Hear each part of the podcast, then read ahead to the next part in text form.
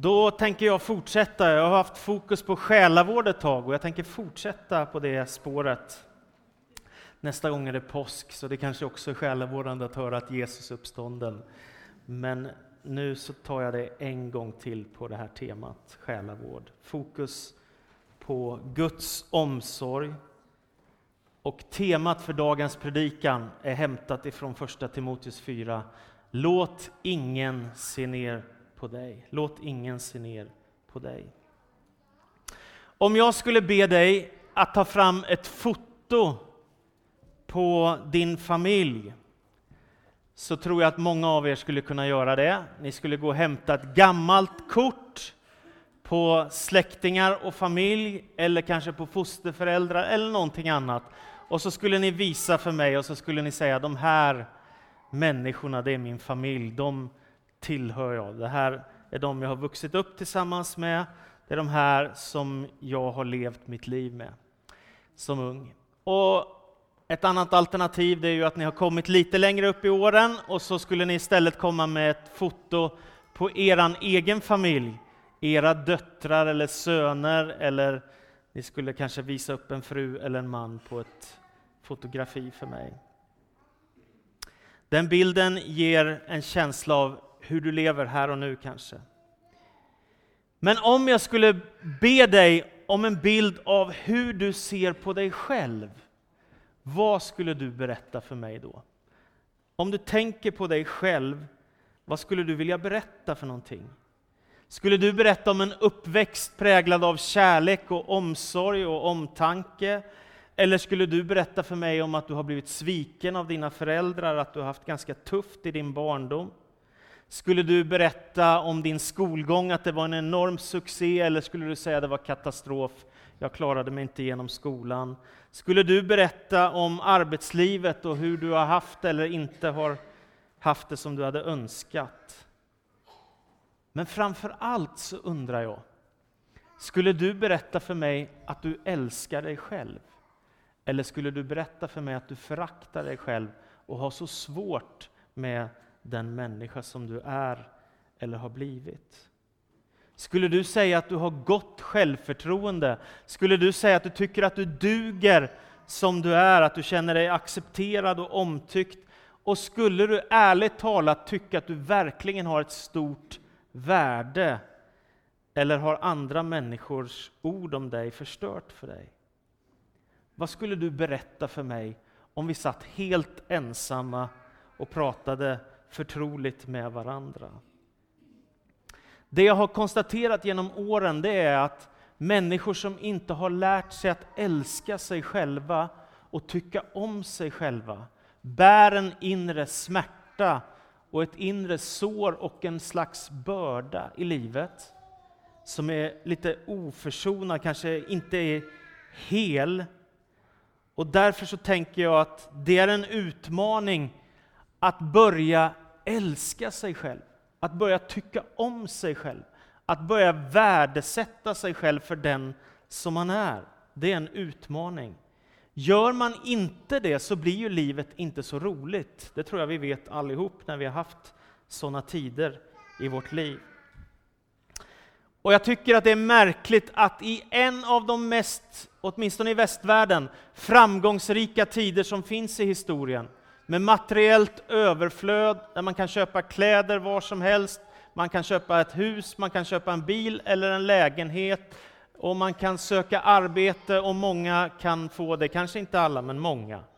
Ja, ni vet, alla har det inte så, men många har det så. Och ändå i den tiden så är det märkligt att vi kanske mer än någonsin har en förmåga att, att nedvärdera oss själva, att bli osäkra inför de människor vi är eller har blivit.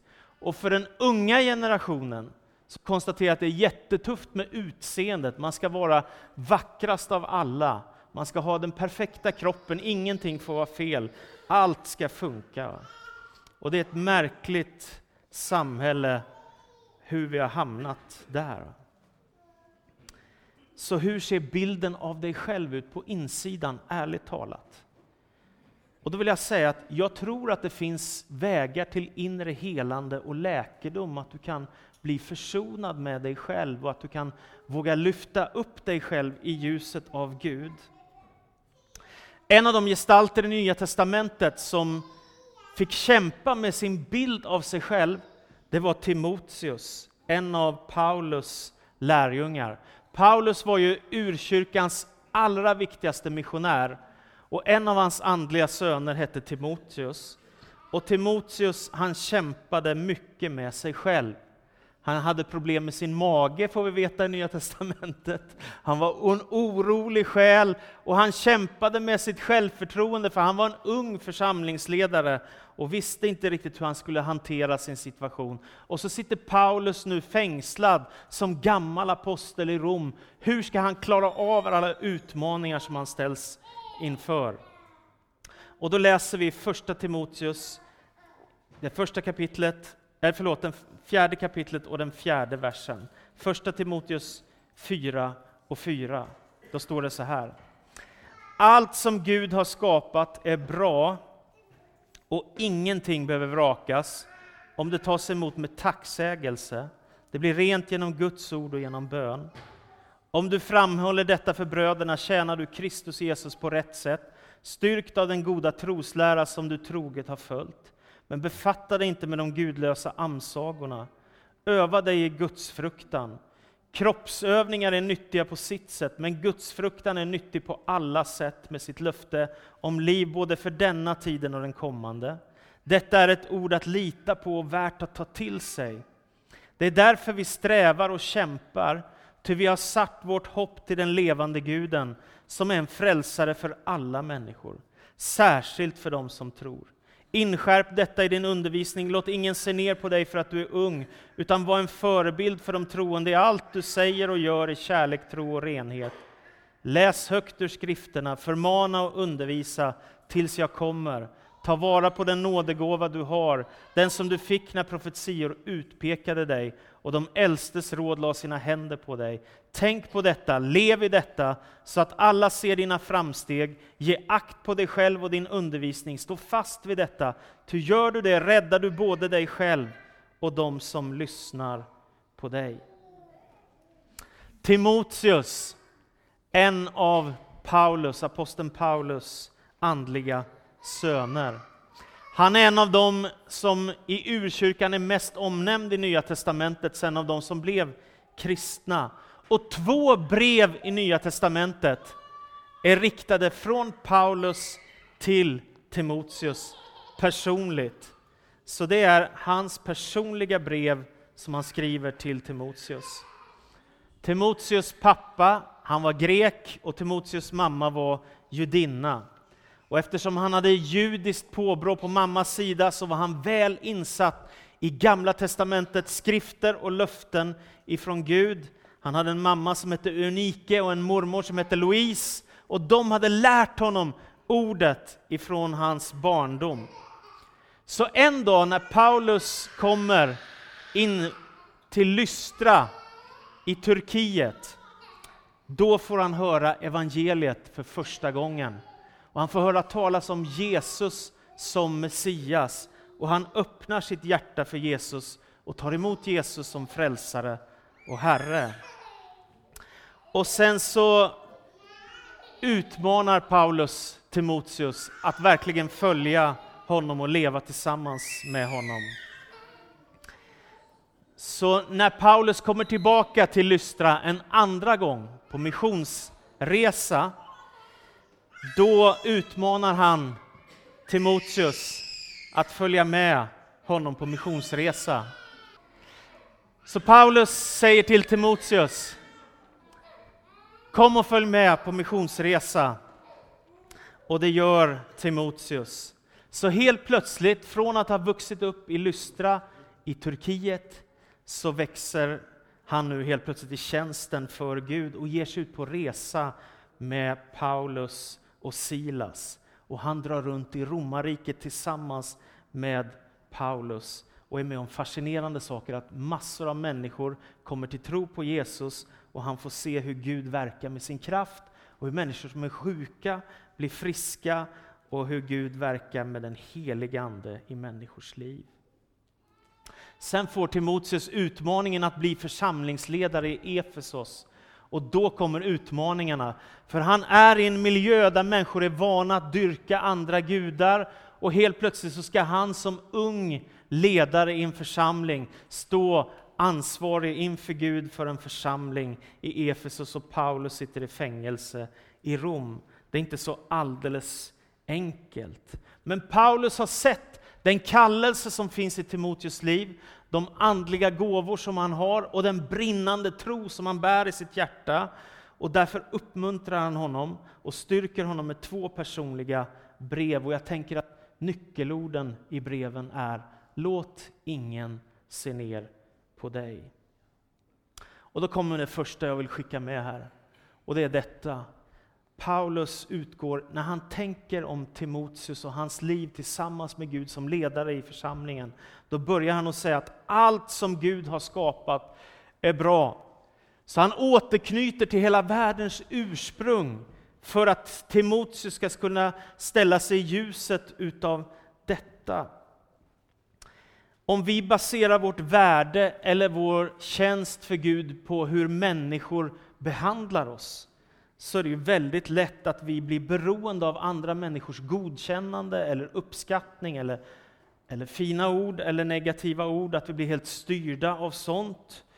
Och säkert har du märkt att när man någon gång möter på kritiska ord så är det väldigt lätt att de tar över och att man börjar analysera, att man börjar fundera och brottas. Varför sa hon så? Varför sa jag så? Varför sa han så? Och så är det så lätt att man känner att ah, jag har misslyckats, eller jag är, kan inte det här, eller det är värdelöst med mitt liv.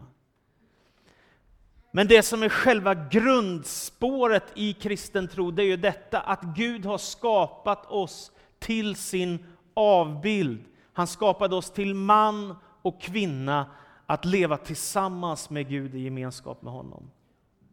Och Det här tänker jag är så oerhört starkt. Du kommer aldrig få höra något finare ord om ditt liv av någon annan någonsin. Om du speglar dig själv och funderar på vem är jag? Och jag får svara, älskade vän, du är skapad till Guds avbild och likhet. Kan du hitta någonting i världen som är större än det? Om jag skulle säga att du är, du är skapad lik ett djur, det vore inte så fascinerande, eller hur? Det skulle inte vara så uppmuntrande. Va? Men om du får höra att du är skapad till Guds likhet och Guds avbild, att han är urbilden för den som du är, som du kan spegla dig i och som du kan ha gemenskap med, då blir ditt liv helt plötsligt oerhört värdefullt. För då inser du att jag är ingen slump, jag är inte här bara av en av någon speciell orsak som inte går att begripa. Eller det är bara att, att eh, det hände något mellan min mamma och pappa och jag blev till av någon olyckshändelse, något sånt. Nej, det står i Bibeln att Gud själv sammanväver oss. Du sammanvävde mig i min moders liv. Det betyder att Gud är aktivt involverad i varje människas tillkomst. Och varje människa är skapad till Guds avbild och som man och kvinna tillsammans kan vi spegla Gud i världen när vi gör det goda. Så du kommer aldrig få höra bättre ord om dig själv än detta. Du kanske får höra av en vän, jag älskar dig, eller en livskamrat, du är fantastisk. Men det här är ännu bättre. Du är skapad till Guds avbild. Ditt liv har med Gud att göra och ditt ursprung är inte någon slump utan ditt ursprung är att Gud en gång i historiens begynnelse sa ljus blir till. Och han skapade människor att vara lika sig. Och det är fantastiskt att tänka på. Så börjar Paulus när han ska värdera Timoteus och hans liv tillsammans med Gud. Allt som Gud har skapat är bra. Och låt mig få ge en illustration på detta. Har ni sett de här fina nya pengarna vi har fått? Det ser ut som låtsaspengar tycker jag. Det är lite som monopolkänsla nästan sådär. Jag har inte hunnit vänja mig. Men det finns en bild här på, eller hur? Och det, jag tror det finns något litet streck här i också. Vad är det? Metall eller vad är det för något? Någon, ni som är experter vet vad det är. Men den här bilden och den här lilla metallbiten på den här lilla papperslappen gör att den här är värdefull, eller hur? Egentligen är ju det här bara papper. Om någon skulle säga till mig att den är inte värd någonting, så vad ska jag då med det här pappret till? Det betyder ju ingenting. Men ni vet ju att det här har vi kommit överens om, att den här är värd någonting. Så om jag säger, är det någon här inne som vill ha den här? Kan jag få en handuppräckning? Är det okej? Okay? Ja, det gick bra, vad bra. Men om jag gör så här då, så, och jag viker ihop den, och så kastar jag den så. Är det någon som vill ha den fortfarande? Ja, du vill ha den fortfarande. Har den inte förlorat sitt värde nu? Nej, den har inte det. Men nu då, om jag stampar på den så och trycker till den rejält? Nej, du vill ha den. Ja, då ska du få den.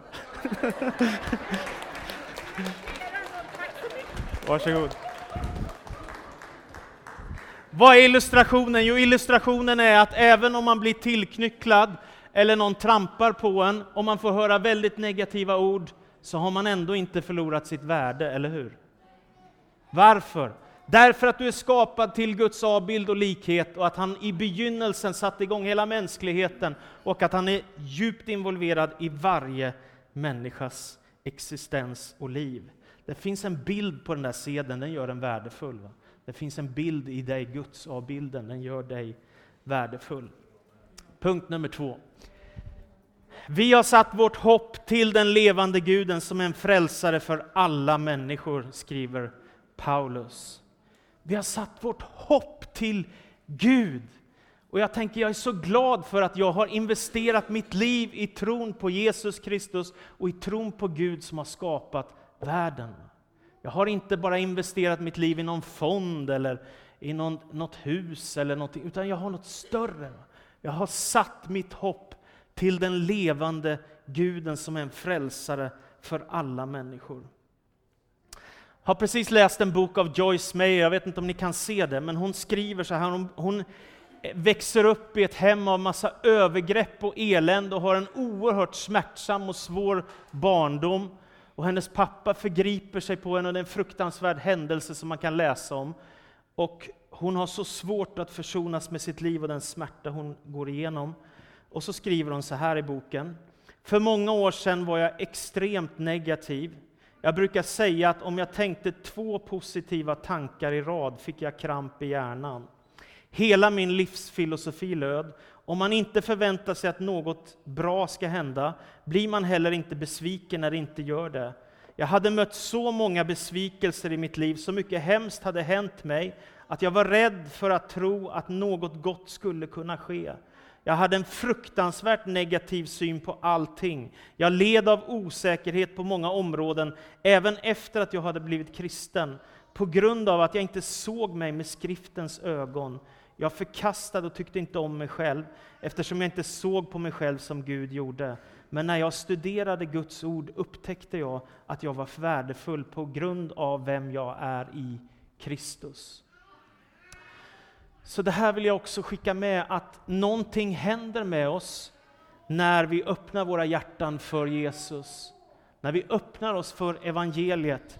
Och Paulus skriver i Andra Korinthierbrevet 5 och 17, den som är i Kristus är en ny skapelse, det gamla är förgånget och någonting nytt har kommit. Det betyder att man behöver inte släpa med sig allt i livet, som man har gått igenom, utan man kan få lämna en del saker bakom sig. Och jag har sagt det många gånger, jag säger det igen, låt inte det som ligger bakom dig förstöra din framtid. Varför skulle du göra det?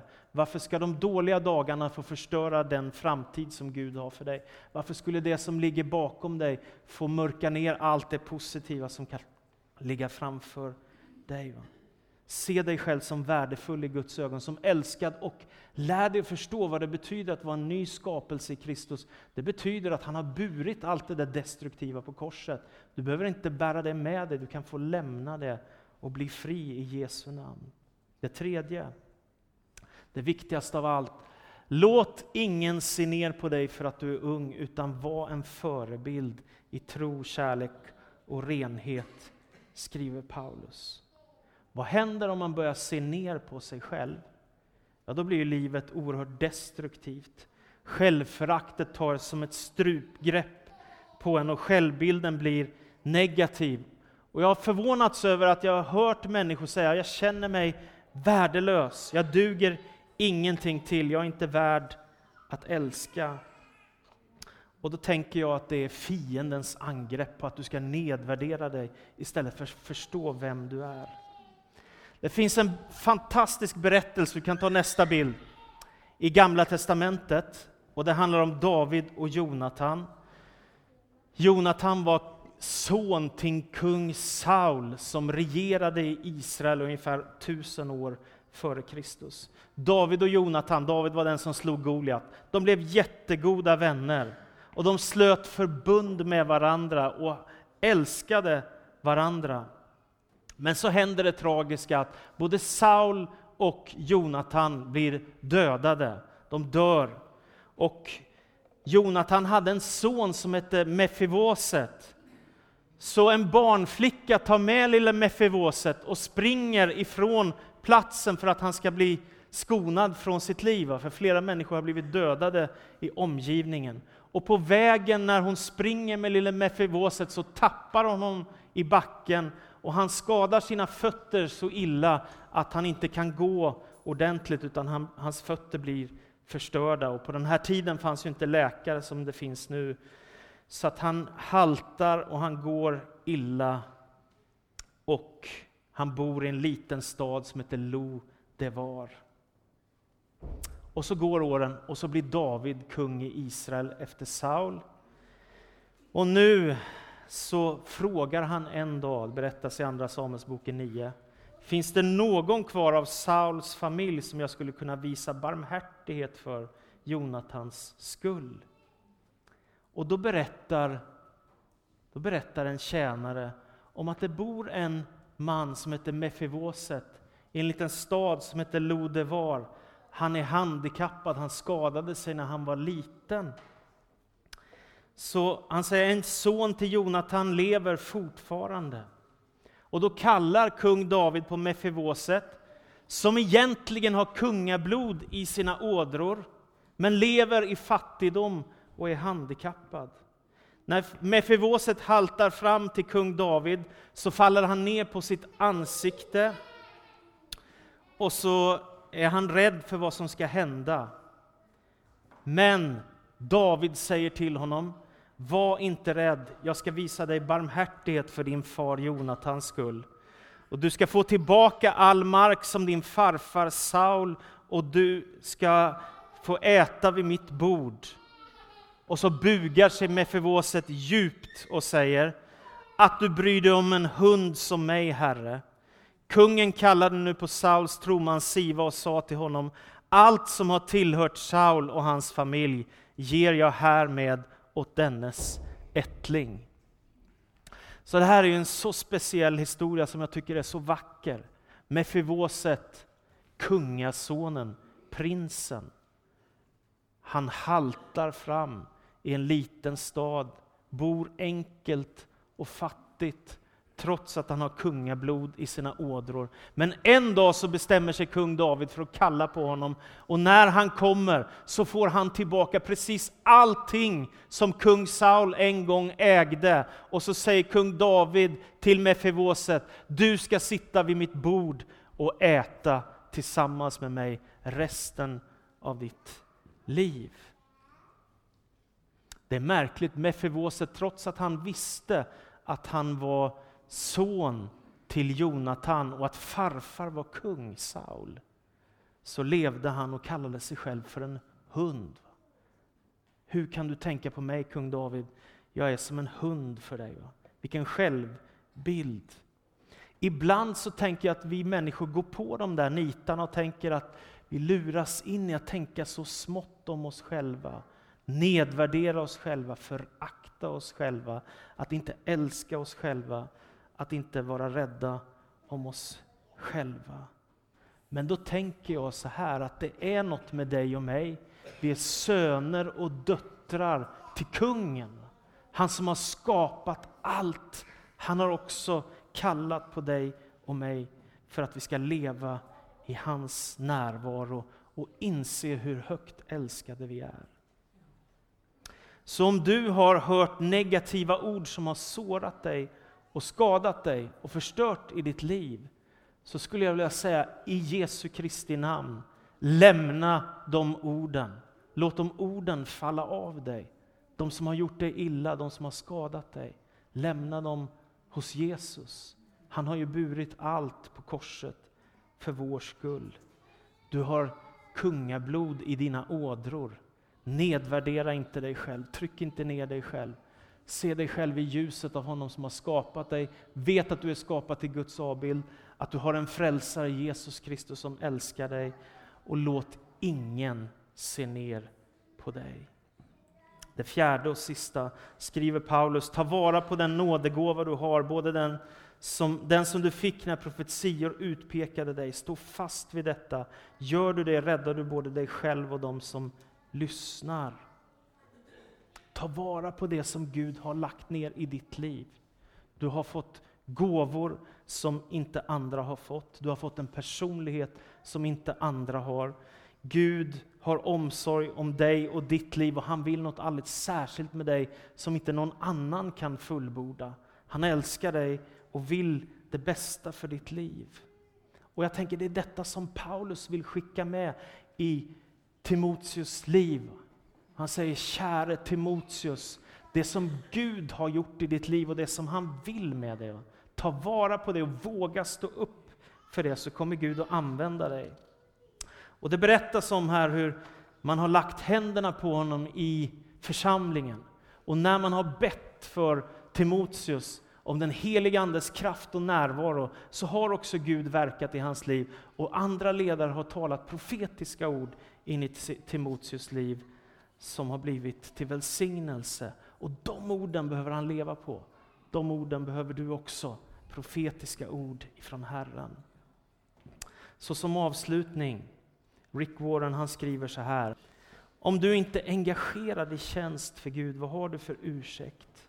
Abraham var gammal, Jakob var osäker, Lea var ful, Josef var misshandlad, Mose stammade, Gideon var fattig, Simson var beroende, Raka var omoralisk, David begick äktenskapsbrott, Elia ville ta livet av sig, Jeremia var deprimerad, Jona var motspänstig, Nomi var änka, Johannes döparen var minst sagt excentrisk, Petrus var impulsiv och hetlevrad. Marta oroade sig mycket. Den samariska kvinnan hade flera misslyckade äktenskap bakom sig. Sakaios var impopulär, Thomas tvivlade, Paulus var klen till hälsan och Timoteus var blyg. Det var stor variation på deras brister. Men Gud använde var och en av dessa människor och han använder dig om du slutar komma med ursäkter. Det här tycker jag är väldigt hoppingivande. Ibland kan man tänka att om Gud ska använda mig, nej men det går väl ändå inte. Inte kan han väl vilja något med mitt liv, jag som har misslyckats, eller jag som har syndat, eller jag som har gjort så många dåliga saker i mitt liv. Men den här listan av människor säger något om vad evangeliet handlar om. Nämligen att du kan komma med ett hur trasigt och sargat liv som helst. Och när Gud får röra vid dig, så börjar han med någonting nytt. Och du får lämna det gamla bakom dig och så får du börja ett nytt liv tillsammans med Jesus Kristus. Timoteus fick en hälsning av aposteln Paulus, profetiska ord. Ta vara på din nådegåva, förvalta det som Gud har gett dig. Låt ingen se ner på dig. Kom ihåg att allt det Gud har skapat är bra. Vi har satt vårt hopp till frälsaren Jesus Kristus. De orden gäller dig idag. Så ta emot av hans läkedom och helande i Jesu namn. Amen.